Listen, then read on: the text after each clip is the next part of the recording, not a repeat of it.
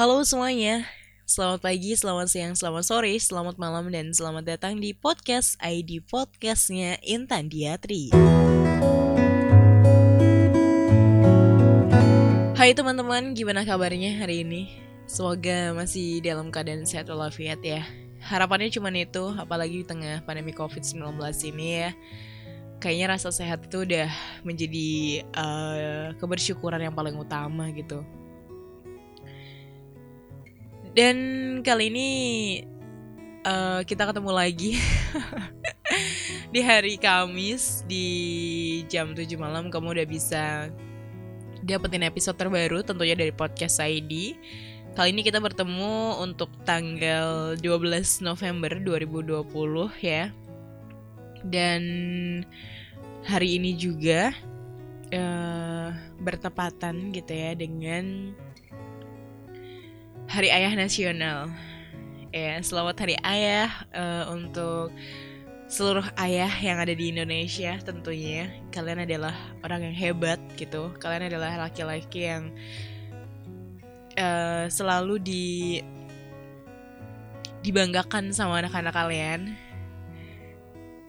nggak ada yang bisa gantiin kalian sih kalau menurut aku gitu jadi uh, sosok ayah itu adalah laki-laki yang apalagi untuk anak perempuan gitu ya sosok ayah ini adalah laki-laki yang paling hebat laki-laki yang nggak akan pernah nyakitin kamu gitu. Laki-laki yang selalu berkorban selalu berjuang untuk kamu gitu apalagi anak perempuannya gitu kan. Tepat dua hari yang lalu juga uh, aku inget walaupun itu adalah hari yang menurut aku cukup mengecewakan gitu ya. Jadi di tanggal 10 November ada kisah bahkan kisah ya. Jadi di tanggal 10 November di 10 November aku selalu nulis di, di setiap tahunnya. Di situ ada sosok anak wanita ada anak wanita yang baru umur 19 yang baru umur 9 tahun saat itu. Uh, di mana anak itu udah harus ngerasain rasa kehilangan salah satu orang tuanya yaitu papa. Mengecewakan banget tentu saat sekolah dan kayak disuruh pulang dan ternyata kayak kamu udah kehilangan papa kamu gitu. Mungkin saat itu tidak terlalu apa ya tidak terlalu merasa kehilangan. Maksudnya karena si anak belum mengetahui kayak apa sih kehidupan gitu. Tapi saat si anak udah beranjak dewasa melihat ada temennya yang dianterin sama sosok papahnya gitu dia udah mulai iri dia udah mulai kapan ya aku bisa dianterin lagi sama papa sekolah? gitu di saat dia udah duduk di bangku SMK dia udah mulai paham oh ternyata kayak gini ya kehidupan. Apalagi si anak udah masuk dunia kerja di saat umurnya 16 tahun. Dan saat ini anak itu udah duduk di bangku di bangku kuliah di mana itu adalah impian papahnya. Kebetulan papa dia tiga. Papa mau tuh anak yang 9 tahun dulu yang ditinggal tuh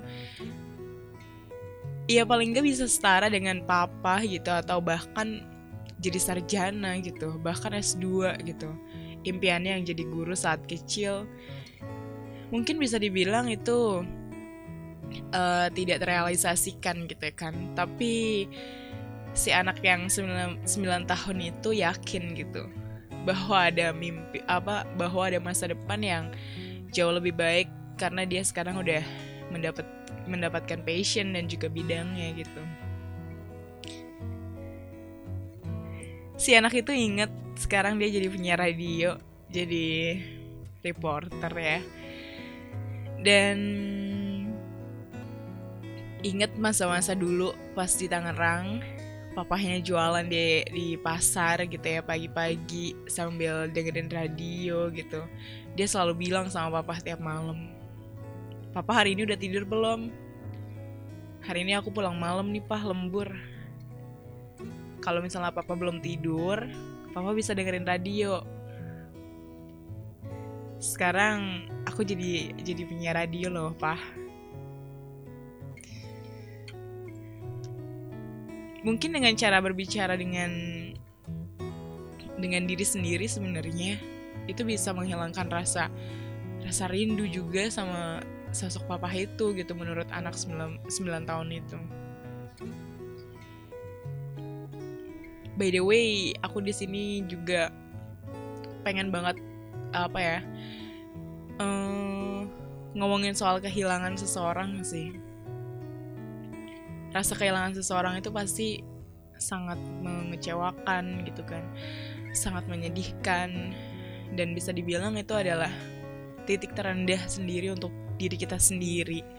Tapi aku kayak aku sendiri aku selalu yakin bahwa di titik itu juga adalah titik terkuat kita ketika kita melihat lagi ada orang di sekitar kita yang kehilangan kita akan mengingat kembali dulu kita kehilangan sosok orang yang berharga. Dan sekarang teman kita ada yang kehilangan dan itu kayak kayak mengingatkan aja. Mengingatkan tapi di situ kita juga nggak bisa nangis se se apa namanya ya sesedih orang yang sekarang kehilangan gitu. Justru di mana di situ kita harus jadi titik yang kuat gitu. Karena kita udah pernah merasakan itu dan kayak lo nggak mau orang di sekitar lo tuh ngerasain apa yang lo rasain sebenarnya. Tapi kan lo nggak bisa membatasi itu gitu. Itu udah itu kayak udah takdirnya gitu. Jadi kayak gue sendiri gue selalu bilang kehilangan seseorang itu bisa jadi titik terendah buat diri kita sendiri dari sudut pandang diri. Tapi juga bisa jadi titik terkuat uh, untuk diri kita sendiri di sudut pandang orang lain gitu. By the way kehilangan juga bukan soal apa ya dia udah nggak ada di dunia lagi gitu. Dia udah mungkin udah meninggal dunia gitu. Tapi kayak pernah nggak sih kayak lo kehilangan orang yang selama ini tuh kayak baik banget sama lo tapi nggak tahu karena apa nggak tahu apa sebabnya gitu. Tiba-tiba dia kayak menjauh tiba-tiba dia kayak pergi gitu ya mungkin kalau misalnya gue bilang itu wajar gitu ya. It's okay gitu. Tapi kayak diri gue sendiri kayak belum nerima gitu apa gitu sebabnya gitu. Jadi kayak diri gue harus paham dulu apa penyebab lo apa penyebab lo kayak harus pergi dari hidup gue gitu. Ya walaupun kadang capek mungkin ya balik lagi capek gitu kayak kesel kayak gini-gini terus gitu. Cuman ya itu diri lo yang ngerasain gitu dan lo kayak harus memahami diri lo juga daripada lo memahami orang lain gitu. Jadi gue juga selalu bilang terima kasih buat orang-orang yang udah pernah hadir di hidup gue walaupun itu mungkin hanya sebentar atau mungkin sampai bertahun-tahun tapi akhirnya kayak lo pergi dari kehidupan gue dan kayak udah nggak mau kenal gue lagi gue cuma bilang makasih gitu. Karena kayak lo udah udah pernah ngasih gue banyak rasa. Mulai dari rasa bahagia rasa sedih rasa kecewa juga. Bahkan sampai uh, lo ngasih gue rasa kehilangan lo diri, diri lo sendiri gitu. Jadi kayak ketika di sekitar lo ada ada banget nih orang yang pengen lo sayang. Ada banget orang yang yang lo ya lo sayang sih gitu. Selain kayak orang tua lo selain kayak keluarga lo sendiri gitu. Kayak jangan pernah dia kecewain dia. Karena gue juga udah ada pengalaman di mana kayak sampai saat ini gue nggak tahu jawabannya itu benar atau enggak. Tapi uh, ketika gue nggak nurutin apa kata dia kayaknya gue bikin kecewa dia deh. Sehingga kayak dia akhirnya memilih untuk kayak pergi dari kehidupan gue. Tapi itu baik-baik aja untuk kondisi gue sekarang gitu. Cuman kayak hati gue masih belum terima kalau ternyata dia pergi gara-gara itu gitu. Ya itu adalah keputusan setiap manusia. Kita juga tidak bisa menghakimi tidak bisa memihak uh, apa kita tidak bisa mengontrol apa yang ada di pikiran manusia lainnya gitu. Jadi yang hanya bisa kita kontrol ya diri kita sendiri gitu. Oke okay, mungkin uh, itu aja yang yang gue gua apa namanya gue sampaikan untuk episode kali ini. Jujur lagi lagi apa ya lagi sibuk banget juga dan ada banyak ada beberapa uh, hal yang harus diselesaikan juga gitu intinya sekali lagi di tanggal 12 November 2020 ini gue pengen ngucapin selamat Hari Ayah Nasional untuk uh, seluruh ayah yang ada di Indonesia uh, kalian adalah orang yang yang hebat gitu. Kalian adalah orang yang kuat. Kalian adalah sosok pahlawan bagi setiap anaknya.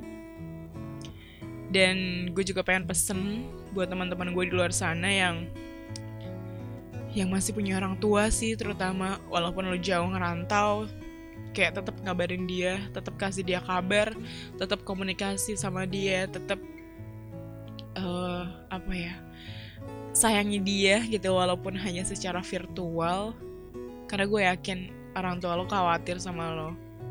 Terutama papa gitu. Mungkin kayak papa selama ini kayak nggak tahu kayak lo lagi ngapain lo lagi nangis atau gimana gitu. Cuman yang ada di pikiran gue ketika gue ada masalah nyokap selalu tanya kamu kenapa? gitu. Gue yakin pasti kayak itu yang nyuruh papa gitu loh. Karena papa nggak berani untuk kayak masuk ke dalam kamar anak ceweknya terutama ya dan kayak nanyain sedangkan di situ ada nyokap yang seharusnya kayak ya udah nyokap aja gitu tapi papa lo tuh sayang banget sama lo gue yakin banget Oke, okay, sekali lagi selamat Hari Ayah Nasional. Dan kita ketemu lagi di episode minggu depan. Gue Tandia Tri pamit. Bye-bye.